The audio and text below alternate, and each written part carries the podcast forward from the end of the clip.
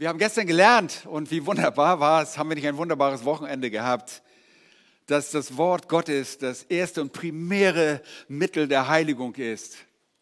Und wie können wir es anders, als dieses Wort auch an diesem Sonntagnachmittag zu öffnen? Und dazu bitte ich euch jetzt schon einmal den Hebräerbrief zu öffnen bei Kapitel 12. Ich weiß, wir sind noch nicht mit dem Markus-Evangelium fertig, aber ich habe gedacht, es würde sehr gut passen jetzt zu dem Thema am Wochenende, zu der Heiligung. Nun, in diesem Hebräerbrief werden jüdische Gläubige angesprochen, die Empfänger des Hebräerbriefes, deshalb auch Hebräerbrief, sind Hebräer, standen unter zunehmender Bedrängnis. Und zwar in der Art von Verfolgung. Und diese Erschwernisse, diese Bedrängnisse kamen nicht etwa aus irgendwie heidnischen Quellen, sondern primär aus den Reihen der eigenen Landsleute. Sie wurden um ihres Glaubens willen an den Messias Jesus Christus, den sie kennengelernt hatten, von den ihnen religiösen Judentum verhafteten Eiferern des Gesetzes und der Tradition verfolgt. Jüdische Christen hatten es wirklich nicht einfach gehabt zu Beginn der Geschichte. Wir haben es nie einfach. Jüdische Christen, das sehen wir schon in der Apostelgeschichte, werden bedrängt. Diese Umstände hatten dazu geführt, dass einige dieser jungen Christen nun ihren Mut verloren hatten. Sie ermatteten in der Weise, dass sie eine geistliche, dass sich eine wirklich geistliche Ermüdung einschlicht, schlich. Und es ging offensichtlich nicht um eine physische, nur um physische bringt es manchmal mit sich, aber es geht nicht primär um eine physische Ermattung, sonst würde ich sagen, leg dich ins Bett und schlaf dich aus. Dann bist du morgen wieder gesund und fit. Nein, ihr Glaube stand unter Beschuss. Und zudem war ihre Gemeinschaft auch mit nicht erretteten Gläubigen durchsetzt. Und zwar mit solchen, die zwar Christus und die Wahrheiten recht interessant fanden und auch intellektuell davon überzeugt waren, dass das tolle Wahrheiten sind, die man da so glaubt, aber sie hatten diese Wahrheiten in ihrem Leben nicht verinnerlicht und nicht mit wahrem Glauben verknüpft. Und solch ein Zustand ist in dieser Kombination zwischen Verfolgung von außen und einem ganzen Armee von Leuten, die wirklich nicht wiedergeboren sind innerhalb der Gemeinde, ist für alle Betroffenen äußerst gefährlich. Einige der Empfänger waren dazu geneigt, zu ihren alten Wegen zurückzukehren. Ich erinnere daran, das sind Juden, sind solche, die aus dem Judentum zum Glauben gekommen sind. Sie waren geneigt dazu, den alten Wegen zurückzukehren, zum Gesetz zurückzukehren, zu der Zeremonie des alten Bundes, diese neu zu beleben. Einige der Empfänger waren, wie gesagt, gar nicht wiedergeboren und lebten lediglich in der intellektuellen Überzeugung, dass der Weg des Christentums der richtige sei. Und wir alle kennen den geistlichen Kampf und auch Momente, in denen wir als Kinder Gottes schwächeln und uns auch erschlagen fühlen. Und dabei beweisen wir oftmals mangelndes Vertrauen, sind oft auf uns fokussieren. Und ich sage immer, dieses, wir betreiben eine gewisse Nabelschau. Wir drehen uns im Kreis und schauen auf uns ohne wirklich geistlich gesehen im Glauben voranzukommen. Der Glaube stagniert, keine Frucht des Glaubens und des Vertrauens. Und vielleicht bist du nicht gerade wegen einer Verfolgung durch religiöse Fanatiker müde, sondern eher durch eine geistliche Nachlässigkeit ermattet und durch Sünde in deinem Leben angeschlagen. Vielleicht bist du dir dessen auch gar nicht bewusst, dass du schuldig bist vor Gott. Und es ist auch nicht immer offenkundig schuldig sein oder Sünde aber Gott züchtigt. Vielleicht erlebst du die züchtende Hand Gottes, die auf dir liegt, die, wie wir übrigens in unserem Leben als Kinder Gottes immer wieder alle spüren. Wenn das nicht so wäre, wäre es tragisch, denn der Schreiber des Hebräerbriefes sagt in Kapitel 12, er züchtet alle, Söhne werden gezüchtet. Söhne werden erzogen. Dafür ist auch das Wort Gottes gegeben, zur Zurechtweisung in der Gerechtigkeit. Es gibt keinen Sohn, der nicht gezüchtigt wird. Sonst wären wir Bastarde. Wir wären gar keine Söhne. Und das geschieht öfter, als du denkst, dass die Hand Gottes in deinem Leben ist und so manche Erschwernisse in dein Leben bringt. Denn wir alle brauchen die Erziehung des himmlischen Vaters. Wir brauchen das. Und wir haben gestern gelernt, dass der Herr dafür alle Umstände in unserem Leben benutzt, in dem Leben als Kind Gottes dazu nutzt, um dich zu heiligen. Erinnern wir uns an diese Lehre. Welche Lehre ist das? Die Lehre der Vorsehung. Egal was der Umstand, egal was die Schwierigkeit, egal was du tust, Gott nutzt es, um dich letztlich weiterzubringen in deinem Glauben. Und wir haben gestern bei dem Thema der Heiligung erfahren, dass die Vorsehung Gottes ein Mittel ist, das unser Gott nutzt, um uns zu heiligen. Und um diese Heiligung ist es uns sehr wichtig. Nun, Heiligung ist mitunter recht schmerzhaft und bedeutet, dass Gott uns korrigiert. Und wenn du heute vielleicht auch nicht ermattest oder müde bist, dann bin ich mir sicher, dass du solche Zeiten kennst. Eine falsche Reaktion auf diese Umstände, die machen dich müde. Eine falsche Einschätzung der Bedrängnisse und Erschwernisse in deinem Leben, die lassen dich ermatten. Aber solche Zeichen gibt es. Wenn dir der Glaubenskampf und die zwischenzeitlichen Ermüdungen bekannt vorkommen, dann sollst du wissen, dass dieses Wort heute Nachmittag besonders dir gilt. Bitte beachte, was der Schreiber des Hebräerbriefes sagt, wenn wir den Text gleich lesen, denn seine Worte beinhalten zeitlose Anweisungen für alle von uns. Niemand ist davon ausgeschlossen. Selbst wenn du glaubst, geistlich zu sein und es vielleicht auch bist, dann brauchst du eigentlich gar nicht mehr diese Ermahnung. Du weißt es schon selbst, dass Gott dich züchtigen muss, auch wenn du geistlich bist. Wir brauchen die Erinnerung. Und es gibt in diesem Text drei Verantwortungen, die sich herauskristallisieren und diese stammen von vier Imperativen, vier Befehlen in diesem Abschnitt aus Hebräer 12. Lasst uns den Abschnitt, der meiner Predigt heute Nachmittag zugrunde liegt, zusammen lesen. Lasst uns dafür noch einmal aufstehen, dass wir den Text zusammen lesen und nochmals beten. Hebräer 12, die Verse 12 bis 15. Da heißt es darum, richtet wieder auf die schlaff gewordenen Hände und die erlahmten Knie und macht gerade Bahn für eure Füße, damit das Lahme nicht vom Weg abkommt, sondern vielmehr geheilt wird. Jagt nach dem Frieden mit jedermann und der Heiligung, ohne die niemand den Herrn sehen wird. Und achtet darauf, dass nicht jemand die Gnade Gottes versäumt dass nicht etwa eine bittere Wurzel aufwächst und Unheil anrichtet und viele durch diese befleckt werden. Lasst uns beten. Herr, wir danken dir, dass wir an diesem Wochenende speziell über die Heiligung nachdenken durften und es noch immer tun dürfen. Danke, dass wir wissen, dass du heilig bist und dass es dein Anliegen ist, uns für dich zu heiligen uns abzusondern für den Dienst, für dich, dass wir brauchsame und nützliche Werkzeuge sein können für dich. Danke, dass du uns nicht fallen lässt, dass du uns versiegelt hast, Kraft und mittels deines Geistes auf die endgültige Erlösung, dass du uns zum Ziel bringen wirst, dass du das Werk der Heiligung, das du angefangen hast, dass du es tatsächlich bis zum Ende bringen wirst in der Verherrlichung unserer Leiber, dass wir bei dir sein werden.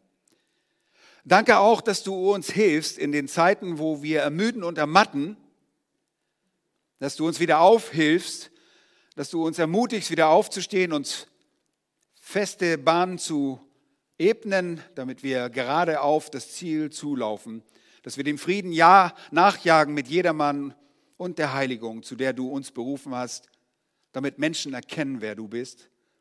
Und Herr, hilf uns auch, in diesem Text zu erkennen, was unsere Verantwortung ist in Bezug auf die Menschen, die unter uns nicht errettet sind.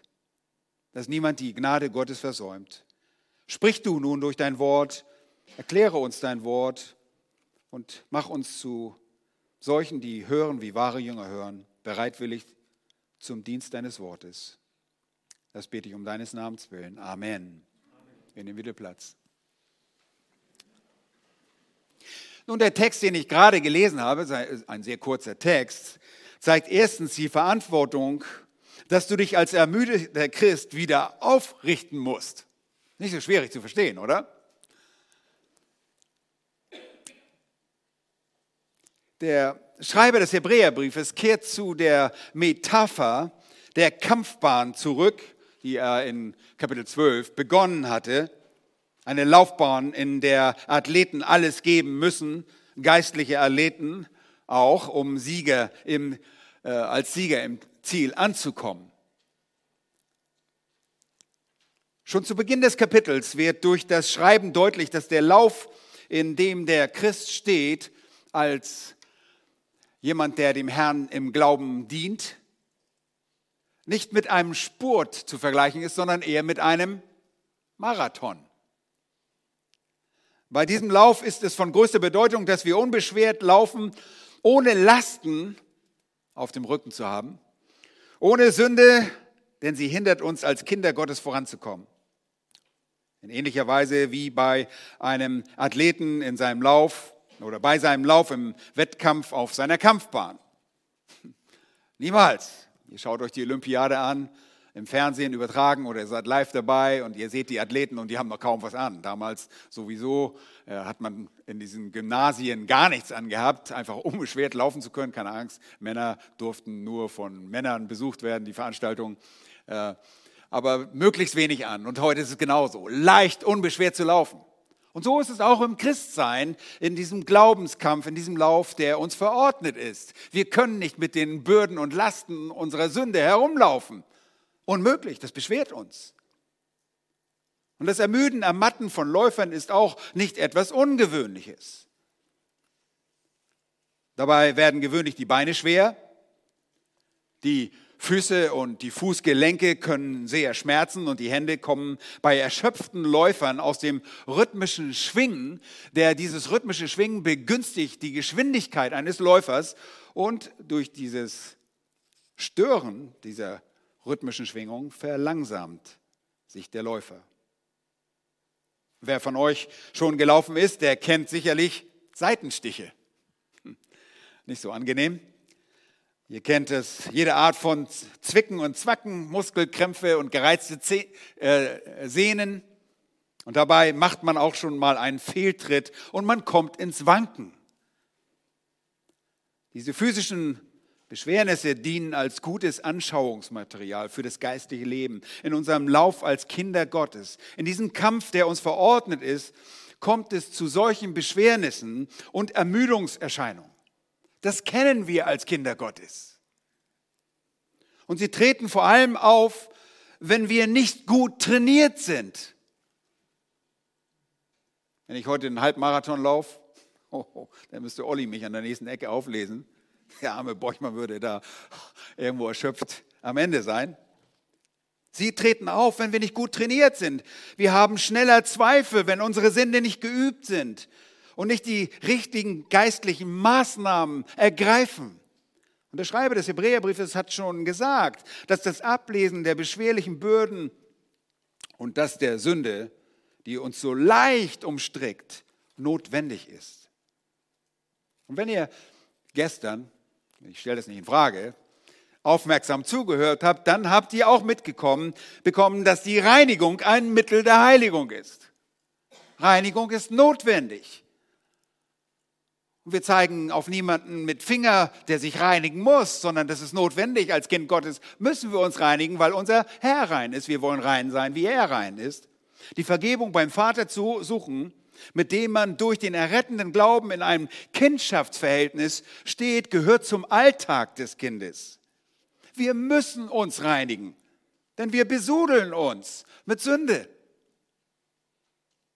Und die Lasten, die wir manchmal auf uns nehmen, diese geistlichen Lasten, vielleicht die falsch gesetzten Prioritäten, die das sein mögen, erschweren uns das Leben. Lasten sind nicht notwendigerweise äh, Sünden, aber sie sind oftmals falsch gesetzte Ziele oder Prioritäten. Sie erschweren uns das Leben. Wir laden uns in unserem Leben schnell Dinge auf, die wir anschließend nur wieder ablegen müssen, weil durch das Gewicht dieser Lasten unsere Knie ermüden, die das Gewicht tragen müssen. Und du kannst auch nicht mit einem praktischen Unglauben leben. Jedes Mal, wenn du ermüdest, bist du nicht in der Lage, recht zu glauben. Diesen Glauben nicht anzuwenden, das volle Vertrauen in das zu setzen, was Gott eigentlich in seinem Wort sagt. Dein Glaube muss erstarken, der Blick muss wieder auf das Ziel gerichtet werden, weil er vom Ziel abkommt. Der Blick muss wieder neu ausgerichtet werden. Und so sagt hier uns der Text, dass die erste deiner Verantwortung in dem Aufrichten liegt. Das Aufrichten weiß nicht, ob wir eine äh, Folie haben dafür. Genau, es ist nicht so schwer. Das sind nur drei Punkte, ganz einfach zu merken. Das Aufrichten in Vers 12 und 13. Wirklich ein ganz einfacher Text zu verstehen. Darum richtet wieder auf die schlaff gewordenen Hände, die erlahmten Knie. Ja, ob das nun ein Ringkampf ist, in dem man die Hände braucht, um äh, in einem Ringkampf zu stehen, braucht man keine schlaffen Hände, da braucht man starke Hände und starke Arme. Oder ob es ein Lauf ist, auch die Hände, wenn sie herunterhängen, wirken sich nicht begünstigend günstig aus für einen Lauf und vor allen Dingen nicht die Knie. Vers 13, macht gerade Bahn für eure Füße, damit das Lahme nicht vom Weg abkommt, sondern vielmehr geheilt wird. Wenn du erlahmst, wenn du schwach wärst, dann bleibst du auf einmal am Wegesrand stehen. Nein, ganz einfach, richte dich auf. Nun, aber warum finden wir da ein Darum zu Beginn von Vers 12? Darum heißt es dort, richtet wieder auf die schlaff gewordenen Knie. Nun, weil der Zustand der Erschlaffung und Erlahmung eigentlich immer aufgrund von Vergesslichkeit der Trostworte Gottes bestimmt wird. Und das sind Trostworte, die der Schreiber des Hebräerbriefes davor bringt. Er sagt, wisst ihr was? Ihr habt vergessen, dass euer Vater im Himmel, der züchtigt euch. Oh nee, der Zücht, Züchtigung, oh, das will ich nicht hören. Hat das was mit Gemeindezucht zu tun? Das will ich nicht hören. Nein, Züchtigung ist was ganz Normales. Ihr wollt alle erzogen werden. Hoffentlich erzieht ihr auch eure Kinder. Sonst habt ihr einen Malheur. Der Vater, weil er uns liebt, züchtigt uns. Und es gibt niemanden, den er auslässt dabei, außer solche, die keine Kinder sind. Und das habt ihr anscheinend vergessen, sagt er zu ihnen. Der Herr erzieht dich, egal ob du diesen Gedanken magst oder nicht, er tut es. Und ihr sollt euch darüber freuen. Übrigens, ich habe mich sehr gefreut im Nachhinein, dass meine Eltern mich erzogen haben. Ich sage im Nachhinein, weil es tat manchmal weh. Oh, meine Güte, ich habe manchmal Dresche gekriegt. Ich habe euch schon erzählt, mein Vater hat nicht alles richtig gemacht. Unser himmlischer Vater macht alles richtig. Mein Vater sagte immer, wenn du es nochmal machst, dann kriegst du was. Bumm, hatte ich schon eine weg. Was? Du hast doch gesagt beim nächsten Mal. Ich habe schon eine weg gehabt. Aber unser himmlischer Vater macht keinen Fehler. Er züchtigt uns genau richtig. Welche Ermutigung. Das ist ein Trostwort. Diese Erziehung ist eine Folge deiner Sohnschaft und die ist ein Privileg sondergleichen. Er, der Vater, behandelt dich nur wie ein Sohn, den er aus Liebe züchtigt. Nun, wenn dir der Gedanke der väterlichen Züchtigung befremdlich ist, dann vielleicht möglicherweise, weil du keine väterliche Erziehung erlebt hast.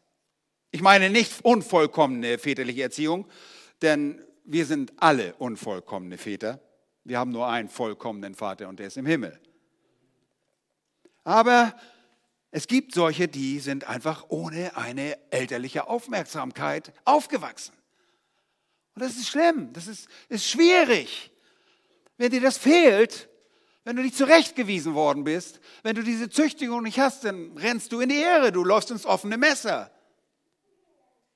Wenn du dir selbst überlassen wurdest und es keine elterliche oder extrem mangelnde Erziehung gab, weil neue Philosophien die Runde gemacht haben, dann musst du besonders gut zuhören.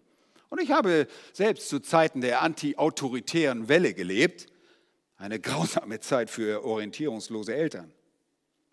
Und dem Herrn sei Dank, dass meine Eltern sich damals nicht durch diese gedanklichen Verdrehungen nachhaltig beeinflussen lassen haben.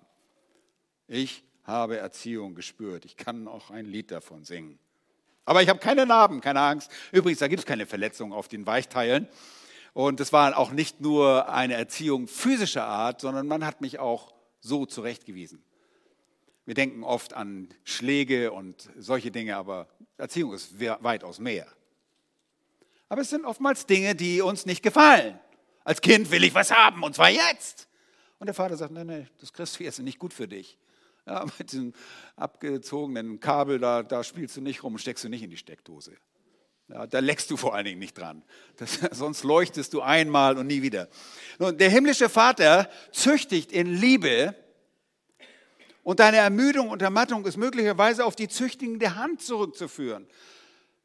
Zieh das in Erwägung und sei dankbar dafür. Du regierst nur auf diese liebende Hand des Vaters falsch und das führt immer zu Ermüdungserscheinungen. Wenn du das überbewertest, wenn du Bedrängnisse hast und du bewertest das über und denkst, das schaffe ich nie, ich werde nie dadurch kommen. Und dich selbst falsch einschätzt, weil du nicht mit dem Vater rechnest, dann ermüdest du. Eine falsche Betrachtungsweise lässt dich ermüden. Und du kannst als deiner Verantwortung als ein Kind nicht angemessen nachkommen. Und deshalb zeigt dir der Text, der Schreiber oder Gott, der Vater, alles ist richtig, dir die Lösung aus der Ermattung. Sie liegt allein schon in diesem Wissen, dass der Herr hinter den Umständen des Lebens steht. Das Wort des Trostes das er dir gibt. Und deshalb kannst du sagen, darum richte wieder auf. Richte wieder auf. Du hast keinen Grund, da unten auf dem Boden liegen zu bleiben. Wenn du aufgrund von falscher Einschätzung deiner Schwierigkeiten über das falsche Denken deines Lebens stolperst und dadurch an Ermüdung leidest, dann ist die Heiligung durch dieses Trostwort angebracht. Dann ist es Zeit, wieder aufzustehen. Nochmals, es gibt keinen Sohn, der nicht gezüchtigt wird. Und du hast auch die Kraft wieder zu erstarken und dich aufzurichten. Und wir haben uns daran erinnert, dass wenn wir in so einer Ermüdung sind, dann geht es nicht ohne Sünde einher. Wir haben nicht auf das geachtet, was Gott sagt. Und wir können zu Gott kommen, zu dem Vater und sagen, Vater, vergib mir meine Schuld, dass ich nicht darauf geachtet habe, was du sagst. Vergib mir, dass ich auf meine Stärke gesehen habe und nicht auf deine Stärke gesehen habe. Der hat dich nicht vergessen. Das kommt der Gotteslästerung gleich. Und wir sind manchmal so verzweifelt, wir haben das gerade in der Gebetsstunde vorhin gesagt, selbst der Psalmist im Psalm 13 sagt, hast du mich ganz und gar vergessen? Hast du mich ganz und gar, wie lange willst du mich vergessen?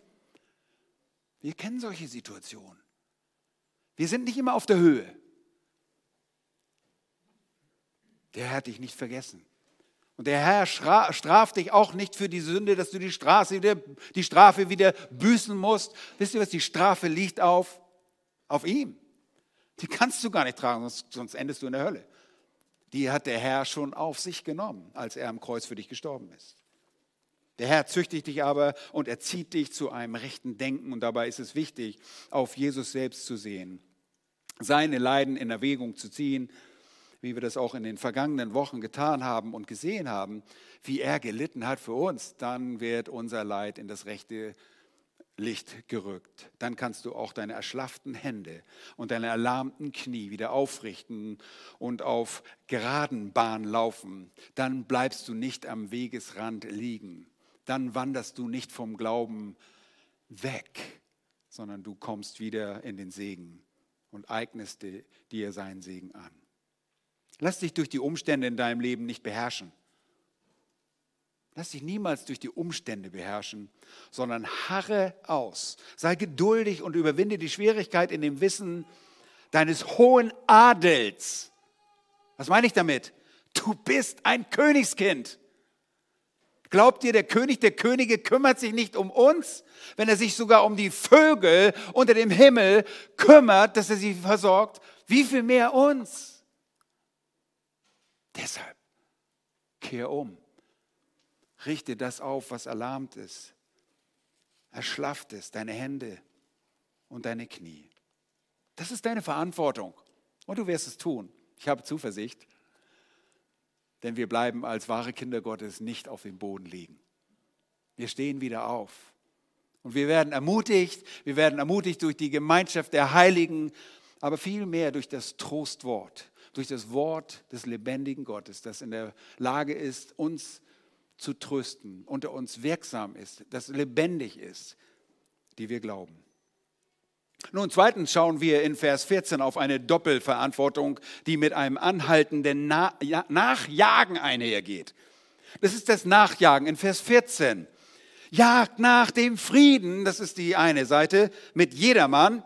Und zweitens, jagt nach der Heiligung. Und da kommt auch noch ein Finalsatz, das ist eigentlich der Zweck, ohne die niemand den Herrn sehen wird. Das ist kein Finalsatz, aber das ist der Grund dafür, warum wir uns auch heiligen. Einer der Gründe davon. Dem Frieden mit jedermann nachjagen. Die erste Verantwortung, der erste Teil dieser zweiten Verantwortung. Dem Frieden mit jedermann nachjagen. Die Voraussetzung für dieses Nachjagen ist, dass du selbst Frieden hast mit dem Gott des Friedens. Dass du Frieden hast mit dem Gott des Friedens. Wo lesen wir von dem Gott des Friedens? Wo können wir Frieden haben? Römer 5, Vers 1. Nun aber haben wir was? Friede mit Gott. Ich erinnere mich immer an den Namen, den jemand seinen Sohn gab. Friede mit Gott durch Jesus Christus. Das war ein Name aus Südafrika, jemand, der seinen Sohn so genannt hatte. Der wurde dann Flugplatz so ausgerufen. Friede mit Gott durch Jesus Christus, bitte an den Schalter kommen. Und die Leute, der Polizist hält ihn an im Auto und ja, sie sind zu schnell gefahren, können nicht mal, wie heißen sie? Friede mit Gott durch Jesus. Sie sollen mich nicht anpredigen, ich will ihren Namen haben. Friede mit Gott durch Jesus. Und dann hält den Pass hin und der heißt tatsächlich so.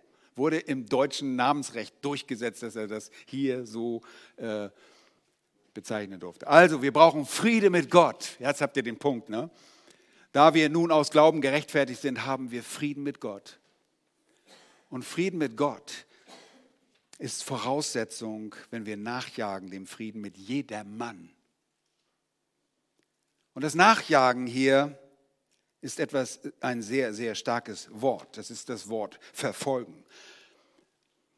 Es ist das Wort, dass wir mit Eifer etwas, etwas, hinterher, etwas hinterherlaufen, mit Eifer uns einsetzen. Jemand, der in feindlicher Beziehung mit Gott steht, ein Ungläubiger, kann diesem Frieden mit jedermann nicht hinterherlaufen. Unmöglich. Dein ungläubiger Nachbar, der Krach hat mit jedem an der Ecke, dem kannst du nicht sagen, mach mal Frieden mit dem. Geht nicht. Er hat keinen Frieden mit Gott, er kann auch keinen Frieden verbreiten, er kann kein Friedenstifter sein. Ein Christ, der jedoch seinem Herrn glaubt und gelernt hat, was die Schrift sagt, der ist verpflichtet, so zu leben, wie Christus gewandelt ist, denn er ist ein Nachfolger Jesu Christ. Johannes schreibt in seinem ersten Brief in Kapitel 3, Entschuldigung, Kapitel 2 und Vers 6, gestern war ich in Kapitel 3, heute in, Kapitel 2, Vers 6. Wer sagt, dass er in ihm bleibt, der ist verpflichtet, auch so zu wandeln, wie jener, das ist Jesus, gewandelt ist. Jesus hat Frieden gestiftet. Zum einen, indem er das Evangelium verkündigt hat. Das ist ein Evangelium des Friedens. Frieden mit Gott hat für den Christen primär damit zu tun, dass Gott ihn gerettet hat, dass Gott das Innere des Menschen erneuert hat, dass er, der Lebendige, das Herz des Menschen beschnitten hat. Er ist, es ist die Folge der rettenden Liebe Gottes. Deshalb hast du als Kind Gottes Friede mit Gott. Das ist das Erste, die Voraussetzung. Frieden ist ein Zustand, der zwischen Gott und Mensch herrscht, weil Gott sich in Liebe des Menschen, des Gläubigen, erbarmt hat. Ist uns das bewusst? Ja, das ist uns bewusst. Das haben wir doch alle auswendig gelernt. Denn so sehr hat Gott die Welt geliebt. Er hat mich geliebt. Ja, wisst ihr, wir sind Geliebte. Wisst ihr, wenn wir, geliebt sind, so mal richtig verliebt gewesen, ja, Alex, gut, du warst schon mal verliebt. Du bist noch verliebt, ne? Immer noch, genau. Ja, wisst ihr, Gott liebt uns. Das, muss uns nochmal eingehen. Er hat uns geliebt und deshalb hat er uns unser Inneres erneuert und wir haben Frieden mit Gott. Wir sind nicht mehr in Feindschaft mit Gott. Der Ungläubige ist in Feindschaft mit Gott. Er hat dich geliebt und liebt dich immer noch. Alex, Punkt für dich beim Männertraining. Also müssen wir uns vormerken, für Alex einen Punkt extra. Nein. Er liebt dich. Und jetzt ist die natürlichste Reaktion auf diese Liebe Gottes, die Gegenliebe, ihn genauso zurückzulieben. Können wir das? Ja, wir können ihn lieben. Warum? Weil er uns seine Liebe gegeben hat. Er hat sie nämlich ausgegossen mit dem Heiligen Geist in unser Herzen. Wir haben jetzt göttliche Fähigkeiten, göttlich zu lieben. Das ist interessant, oder? Und du sagst, was hat das damit zu tun? Nun, wenn du Frieden mit jedermann anstreben willst und da hinterher jagst und eifern willst für Frieden mit jedermann, dann musst du deinen Nächsten lieben. Und das kannst du. Und das ergeht jetzt an diese Hebräer, an diese hebräischen Christen. Sie sollten den Nächsten lieben. Diejenigen, die sie verfolgten. Sollen wir unsere Feinde lieben? Oh ja, wir sollen unsere Feinde lieben. Können wir unsere Feinde lieben? Oh ja. Warum? Göttliche Liebe. Göttliche Liebe. Wenn wir andere Menschen lieben und nach Gerechtigkeit trachten, nach Heiligung jagen oder eifern, um damit Gott zu lieben, dann handeln wir recht. Den Nächsten zu lieben und Gott zu lieben.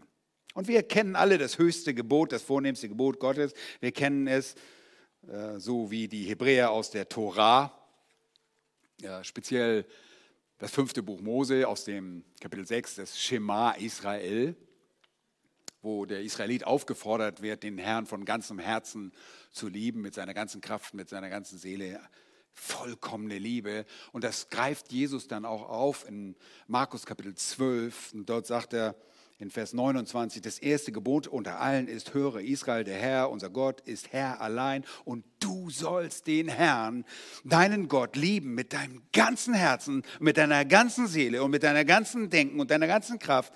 Dies ist das erste Gebot und das zweite ist ihm vergleichbar, nämlich dies, du sollst deinen Nächsten lieben wie dich selbst. Größer als diese ist kein anderes Gebot. Nun die Frage ist, wie wir diese Liebesgebote umsetzen. Wie lieben wir Menschen? Antwort, indem wir danach jagen, eifern, und zwar mit jedermann Frieden zu halten. Kein Streit anzufangen. Und in der revidierten Elbefelder heißt das, jagt dem Frieden nach mit allen. Das war für die ursprünglichen Empfänger wirklich eine große Herausforderung, denn sie wurden durch ihre eigenen Landsleute verfolgt. Frieden ist nun einmal eine Zwei-Wege-Straße und die eigenen Landsleute waren größtenteils mit dem Weg der dabei, die Christus, äh, zu Christus gekehrten Juden nicht zu verstehen oder waren nicht einverstanden. Sie hatten keine Gegenliebe, aber sie sollten trotzdem geliebt werden. Und so mussten sie also lernen, ihre Feinde zu lieben und alles daran zu setzen, mit ihren Landsleuten Frieden zu halten, sofern es ihnen möglich ist. Erinnert ihr euch an, äh, was Römer 12 sagt? Wenn möglich, Römer 12, wenn möglich, ist nicht immer möglich, aber wenn es an euch liegt, so viel es an euch liegt, sagt es Römer 12, Vers 18, lebt mit allen Menschen in Frieden. Ja, da kommt wieder der Borchmann. Das ist so ein Streithammel, der, mit der zankt sich immer nur mit Leuten. Nein, nein, nein, du bist ein Kind Gottes. Ein Kind Gottes ist charakterisiert bei dem, dass er Frieden stiftet. Bist du das? Oder bist du dafür bekannt, dass du überall Furore oder Durcheinander bringst und Unfrieden stiftest? Boah, ich meine, war gerade hier, alle streiten sich hinterher. Das kann nicht sein. Das darf nicht sein. Unser Auftrag ist, Frieden zu stiften, mit Frieden zu halten mit jedermann, wenn es dir möglich ist. In der Bergpredigt sagt Jesus deshalb auch sehr eindrücklich, Matthäus 5, liebt eure Feinde, segnet, die euch fluchen, tut wohl denen, die euch hassen und bittet für die, welche euch beleidigen und verfolgen, damit ihr Söhne eures Vaters im Himmel seid. Was heißt das denn? Nun, was hat Gott mit uns gemacht? Hat er uns geliebt, als wir so toll waren. Er hat gerade gesehen, der ist so klasse, den muss ich unbedingt mein Reich haben. Da wird mein Reich so bereichert, weil so, so, so einen fähigen göttlichen Menschen muss ich unbedingt. Nein, wir, er hat uns geliebt, als wir noch Feinde waren. Als wir noch dadurch charakterisiert waren, dass wir nur gesündigt haben und nichts anderes getan haben und nichts anderes konnten. Als wir noch versklavt waren in unserer Sünde, hat er uns geliebt. Hat er uns zuerst geliebt und dann erst konnten wir ihn zurücklieben. Und auch den Nächsten lieben. Alles andere ist keine wahre Liebe. Das, was die Welt uns heute an Liebe vorgaukelt, ist nichts anderes als fleischliche Liebe. Fleischliche Gefühle. Nun, es sind nicht nur allgemein Menschen, die Christus nicht kennen, sondern auch religiöse Menschen, die wir lieben müssen, insbesondere auch religiöse Juden. Und das ist schwierig, wenn wir daran denken, dass sie Jesus lieben lernen müssen. Wir müssen sie lieben und ihnen den Frieden in Christus verkündigen. Das ist die größte Liebe, die wir überhaupt jemandem erweisen können. Willst du ein Friedenstifter sein? Dann verkündige ihnen das Evangelium des Friedens von Jesus Christus. Und ich kann euch garantieren, das hält nicht immer den Frieden mit Leuten, aber das ist der wahre Frieden, den ihr ihnen bringt die Friedensbotschaft. Aber dann sei auch nachsichtig. Verstehe, warum Menschen so handeln, wie sie handeln, wenn sie keine Kinder Gottes sind. Denk nur zurück, wie du warst als Nicht-Christ. Wir sind ja heute noch kaum erträglich. Wie viel mehr als aus der Zeit, als wir noch keine Kinder Gottes waren. Sie mussten das auch mit den Juden. In Epheser 2, 13 bis 17 heißt es, jetzt aber in Christus Jesus seid ihr, die ihr eins fern waren, durch das Blut nahe geworden, denn er ist unser Friede, der aus beiden, nämlich aus Juden und, und den Heiden, eins gemacht hat und abgebrochen hat die Zwischenwand der Umzäunung, nachdem er in seinem Fleisch die Feindschaft, das Gesetz der Gebote in Satzung weggetan hatte, damit er die zwei Frieden stiftend in sich selbst zu einem neuen Menschen schüfe und die beiden in einem Leib mit Gott versöhnte durch das Kreuz, nachdem er durch dieses die Feindschaft getötet hatte. Und er kam und verkündigte Frieden, euch, den Fernen, und Frieden, den Nahen. Ihr Lieben, wenn ihr Friedensstifter seid und mit allen Frieden haltet wollt, dann ist das die Ausgangsbasis. Ihr eifert nicht mit irgendjemandem aus einer anderen Religion, der zum Glauben gekommen ist und sagt, du hast aber jüdische Hintergrund. Du, deine Hautfarbe, die gefällt mir nicht. Das interessiert uns nicht. Wir sind alle eins in Christus. Stifte Frieden. Friede mit allen Menschen zu halten, ist Ausdruck der göttlichen Liebe durch uns. Es ist die Liebe, die Gott durch den Heiligen Geist in unser Herzen ausgegossen hat, und zwar am Tag unserer Umkehr, den Tag unserer Rechtfertigung und der initialen, der definitiven Heiligung, den Beginn der Heiligung. Und weil diese Liebe in uns ist, und zwar als kraftvoll gewirkte Frucht des in uns lebenden Geistes, deshalb können wir auch Gott zurücklieben. 1. Johannes 4, 19. Wir lieben ihn, weil er uns zuerst geliebt hat. Wie sollen wir ihn lieben? Mit den Worten von der Kanzel? Oder indem wir in den Bibelstunden darüber reden? Nein, meine Kinder, lasst uns nicht mit Worten lieben, noch mit der Zunge, sondern mit der Tat und der Wahrheit. 1. Johannes 3,18. Und der Text sagt, jagt, jagt nach dem Frieden. Das ist, das ist nicht so, okay, wenn es, mir, wenn es sich mal ergibt, dann tue ich das. Nein, hier sagt er, dieses Jagen verfolgt, das ist ein Eifer. Gehe die extra Meile, um diesen Frieden zu halten. Gebe die äußerste Mühe und wahre die Einheit, besonders wenn es mit Geschwistern ist. Bewahre diese Einheit des Geistes, die uns der Epheserbrief zeigt, in Epheser 4, Vers 3. Setzt alles daran, um diese Einheit zu wahren. Das ist damit gemeint. Frieden mit jedermann, mit Ungläubigen und vor allen Dingen mit den Geschwistern. Allerhöchste Gebot. Und dann der zweite Teil dieser zweiten Verantwortung ist Nachjagen der Heiligung. Ihr Lieben, wir haben über Heiligung gesprochen, aber Heiligung muss, wir müssen danach eifern, richtigen Einsatz zeigen. Wir wollen das Wort Gottes lieben. Nicht nur, okay, meine stille Zeit wieder abhaken und Leute, wir müssen begeistert in die Bibelstunde kommen. Das ist das Wort Gottes. Wir wissen, was andere Menschen nicht wissen. Wir wissen, dass wir gerettete Kinder Gottes sind, wo unser Ende ist, dass wir in den Himmel kommen zu unserem lebendigen Gott. Amen. Das soll uns zum Preisen und Loben bringen. Und das braucht diesen Eifer und deshalb sagt er, jagt, wenn ihr müde wart, steh auf,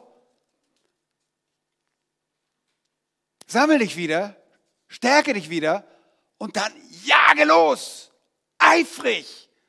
Oh, ich lasse mal erstmal wieder langsam angehen. Ah, meine Gebetszeit. Ah, heute Morgen fünf Minuten. Okay. Hey, ist das ein Eifer? Leute, jemand, den du liebst, da kannst du gar nicht aufhören zu reden. Oh, du, die Zeit geht um. Ich weiß noch, die Anfangsjahre. Jetzt reden wir auch noch manchmal. Nein, aber die Anfangsjahre, als die 5-Mark-Stücke, damals hat man noch mit D-Mark in den Telefonzellen bezahlt. Telefongespräch nach Island. Boom, wieder ein 5-Mark-Stück weg. Oh, noch eins rausholen, zack. Und auf einmal waren 50 Mark weg. Na und? Ich wollte mit meiner Geliebten reden. Eifer! Und diesen Eifer müssen wir bringen in der Heiligung. Wir wollen uns absondern für Gott und das mit Eifer. Ist es nicht so? Die Voraussetzung des Nachjagens ist die Rechtfertigung. Jemand, der nicht gläubig ist, der, der versteht überhaupt nicht, wovon wir überhaupt reden. Der denkt, aua, aua, plem, plem. Nein, wir haben davon gestern viel gehört und ihr habt jetzt ein besseres Verständnis der Heiligung. Nur zur Erinnerung an das, was Paulus im Epheserbrief schrieb. Epheser 1, gepriesen sei der Gott und Vater unseres Herrn Jesus Christus, der uns gesegnet hat mit jedem geistlichen Segen in den himmlischen Regionen in Christus, wie er uns in ihm auserwählt hat vor Grundlegung der Welt. Wofür? Das ist ein finaler Satz. Damit wir heilig und tadellos vor ihm seien in Liebe. Und diese Worte des Paulus an die Epheser sprechen von dem Zweck der Erwählung und gleichzeitig auch von dem Ergebnis. Und ihr erinnert euch schon, diese zwei Teile. Es gibt einen anfänglichen, einen definitiven Beginn der Heiligung bei der Rechtfertigung. Wir werden in den Stand der Heiligkeit versetzt. Wir sind sofort Heilige. Wir haben die Gerechtigkeit Christi und sind heilig gesprochen. Und dann ist es auch die Absicht Gottes, uns zu heiligen, uns mehr und mehr in das Bild seines lieben Sohnes umzuwandeln, dass wir uns absondern, wie er abgesondert war für den Vater.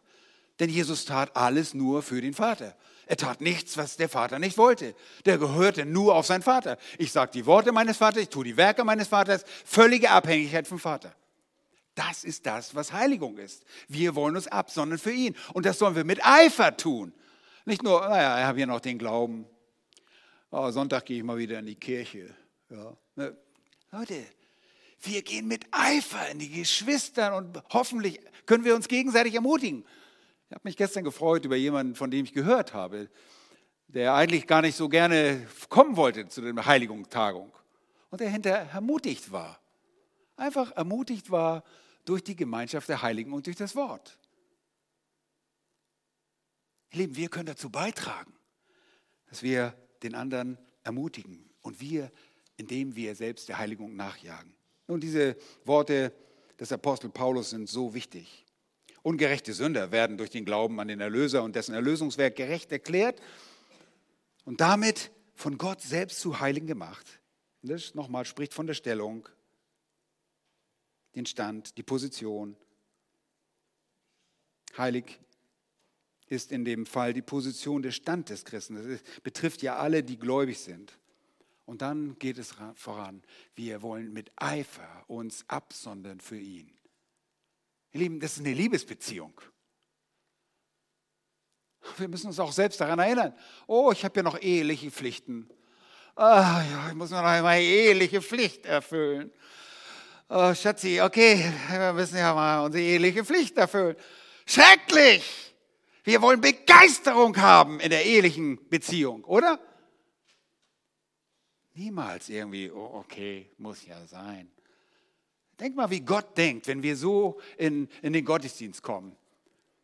Wir kommen in den Gottesdienst und ja, mal sehen, was Gott uns, mal sehen, ob das irgendwie, es irgendwie Entertainment gibt heute.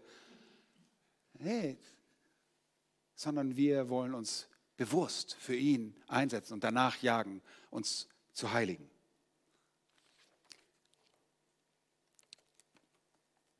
Nun ich möchte nicht den ganzen Prozess wiederholen, den haben wir gestern schon angeguckt und auch die Mittel, die ich hier noch einfließen lasse, habe, bevor ich äh, eigentlich äh, gestern mit der Tagung angefangen habe. Aber ich gehe weiter.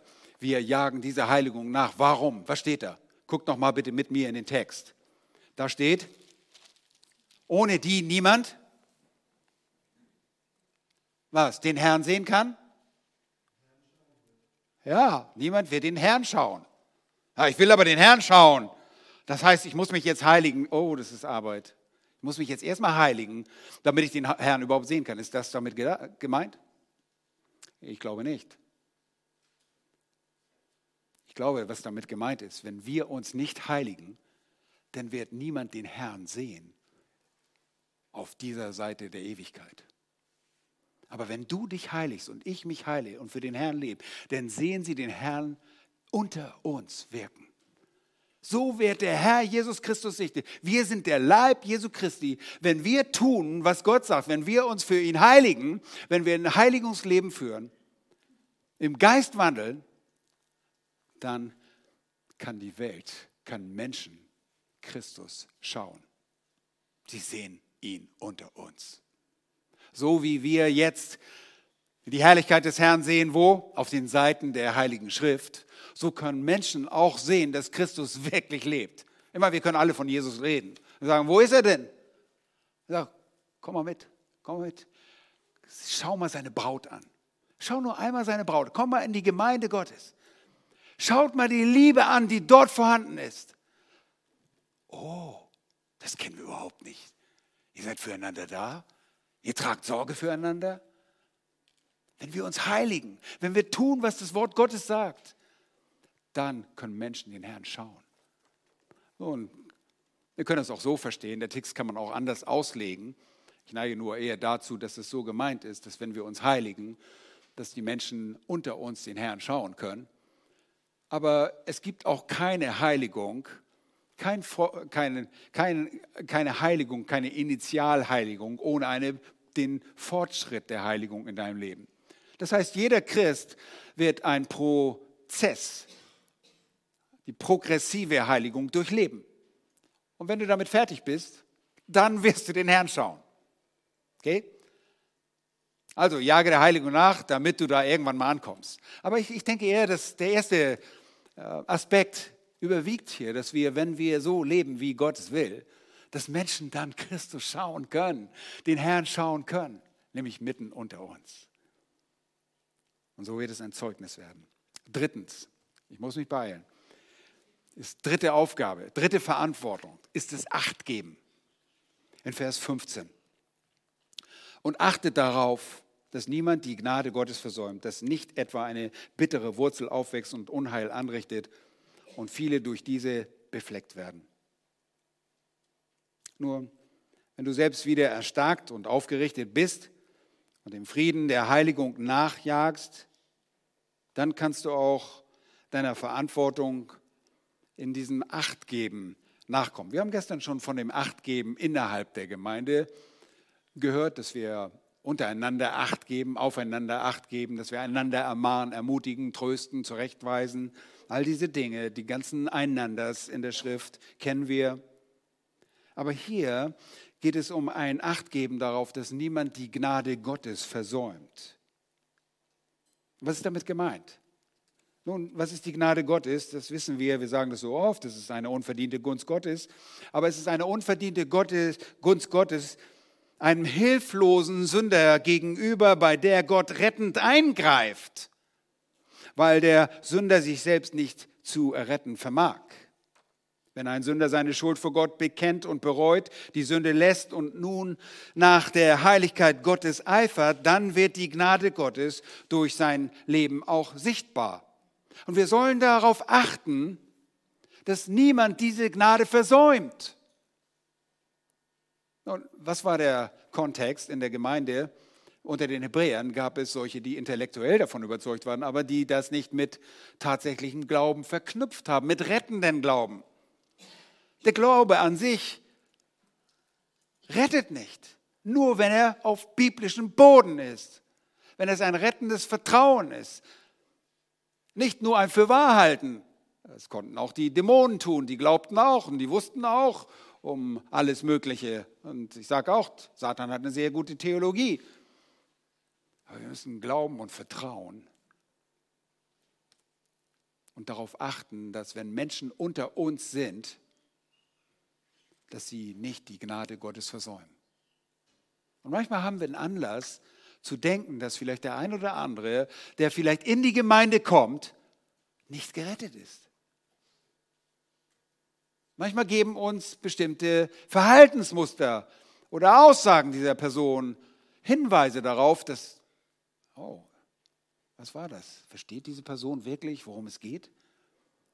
Oder wir sehen Kämpfe in, in Personen, die kämpfen und kämpfen und kämpfen und kommen nicht weiter. Und wir sollen diesen Leuten nachgehen, damit niemand diese Gnade Gottes versäumt. Dass sie nicht durch ihr Leben hindurchgehen und eines Tages aufwachen und vor dem Richter stehen und hören müssen, dass er sie nicht kennt.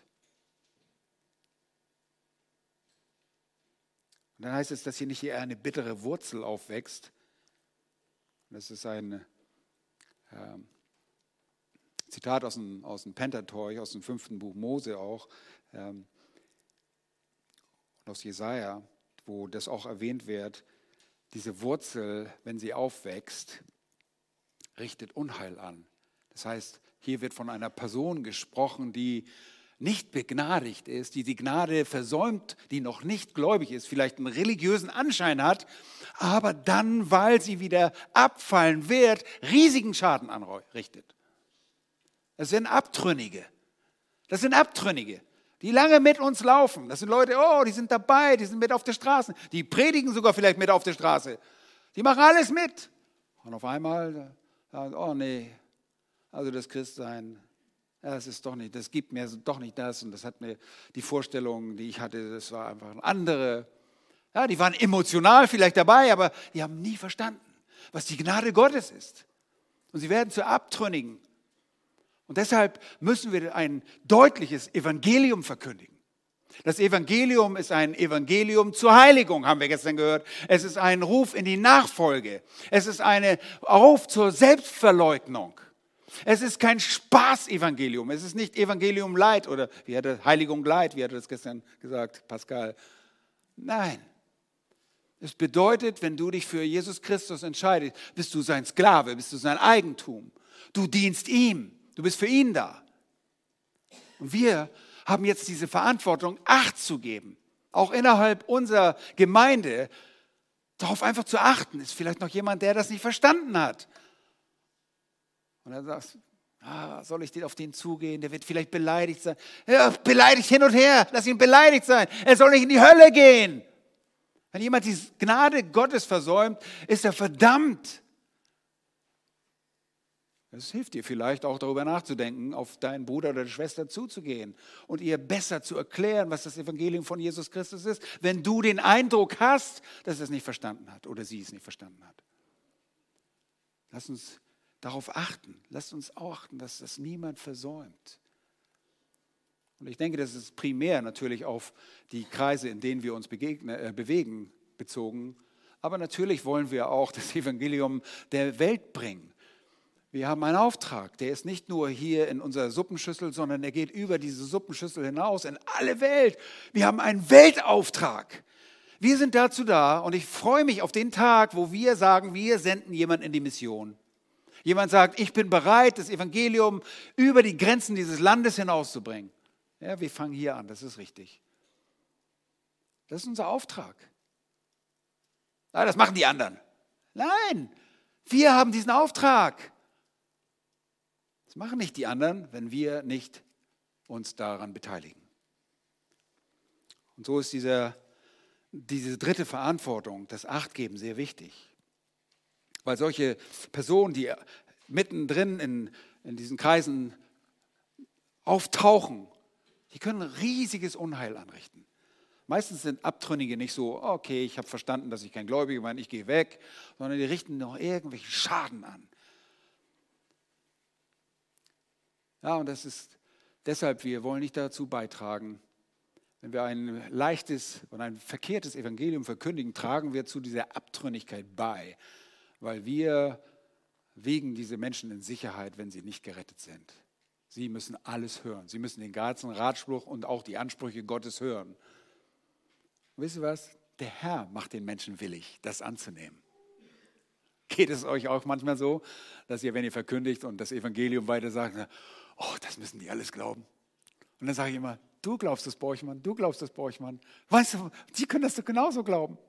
Gott kann diese Herzen der Menschen genauso verändern, alles, was die Schrift sagt, zu glauben. Wir machen doch nicht den Glauben, das macht doch Gott. Lasst uns bitte darauf achten, dass niemand die Gnade Gottes unter uns auch versäumt, damit kein Unheil angerichtet wird und dadurch auch viele befleckt werden.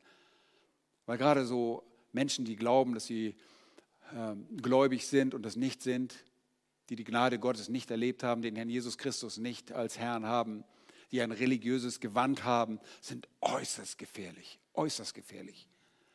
Weil sie kann ihr Fleisch nicht bändigen. Sie müssen Heuchler sein. Ihr Lieben, deshalb haben wir das riesige Problem in der katholischen Kirche oder in religiösen Gemeinschaften. Die können ihr Fleisch, die Priester können ihr Fleisch gar nicht bändigen. Sie haben den Geist Gottes nicht. Wenn du dann von Pädophilie oder sonstigen Missbrauch hörst, dann ist das für mich kein Wunder. Natürlich, ich kann mein Fleisch auch nicht bändigen. Kann ich ja so als Christ kaum. Ich kann das nur mit dem Geist Gottes, wenn ich im Geist wandle. Dann kann das Fleisch gebändigt werden. Wenn ich im Geist wandle, dann werde ich die Werke des Fleisches nicht vollbringen.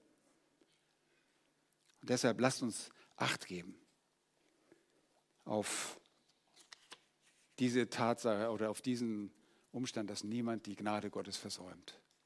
Geh lieber einmal mehr auf deinen Bruder oder Schwester oder vermeintlichen Bruder oder Schwester zu und sag, hey, Hast du das richtig verstanden? Also, drei Verantwortungen. Ich fasse zusammen, ich komme tatsächlich zum Ende. Es ist das Aufrichten, wenn du ermüdet bist. Wenn du ermüdet bist. Und wir kommen in solche Situationen, dass wir ermüdet sind.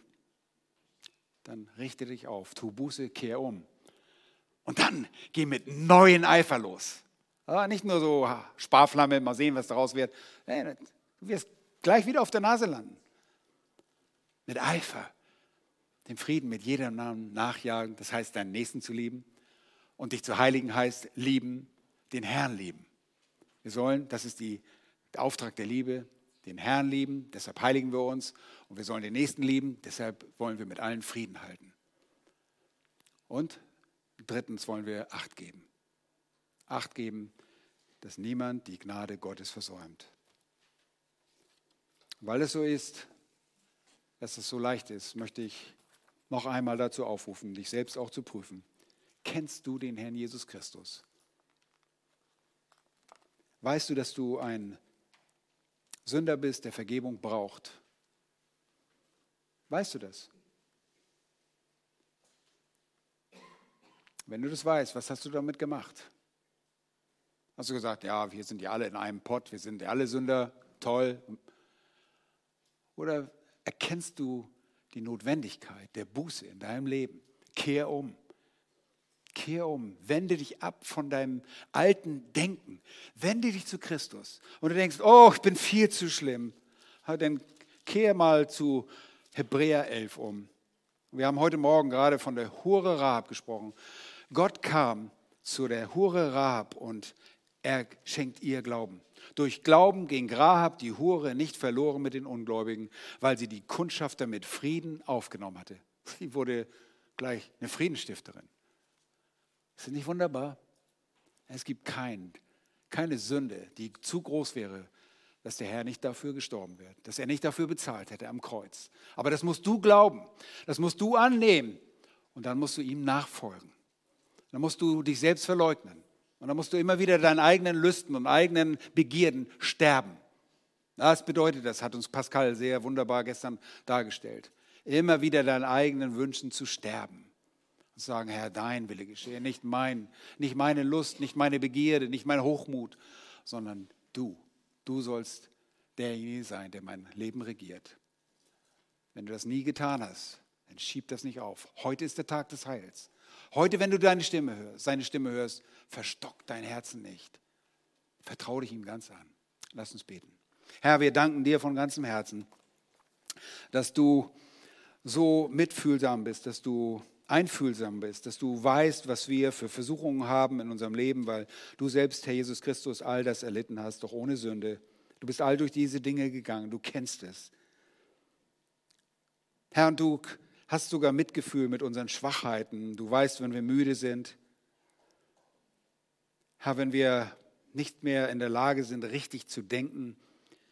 Herr, dann wollen wir unsere Gedanken erneuern, Kraft deines Wortes und mittels deines Wortes wollen wir zurück zur Wahrheit. Unsere erschlafften Hände und unsere lahmen Knie aufrichten und einfach Buße tun und dir wieder neu nacheifern. Wie jemand, der jemand anders verfolgt. Mit großer Hingabe wollen wir den Frieden suchen mit jedermann, aber auch der Heiligung, ohne die niemand wirklich den Herrn schauen kann. Dann lasst uns, Herr, auch sehen, dass niemand die Gnade Gottes versäumt. Deine wunderbare Güte und Gnade, die du uns erweist, die wollen wir das auch alle unter uns und jeder, den wir treffen und den wir begegnen, wollen wir, dass diese Menschen diese Gnade nicht versäumen. Erbarme dich unser Kinder, erbarme dich über Lotta und Antonia, dass sie Kinder Gottes werden.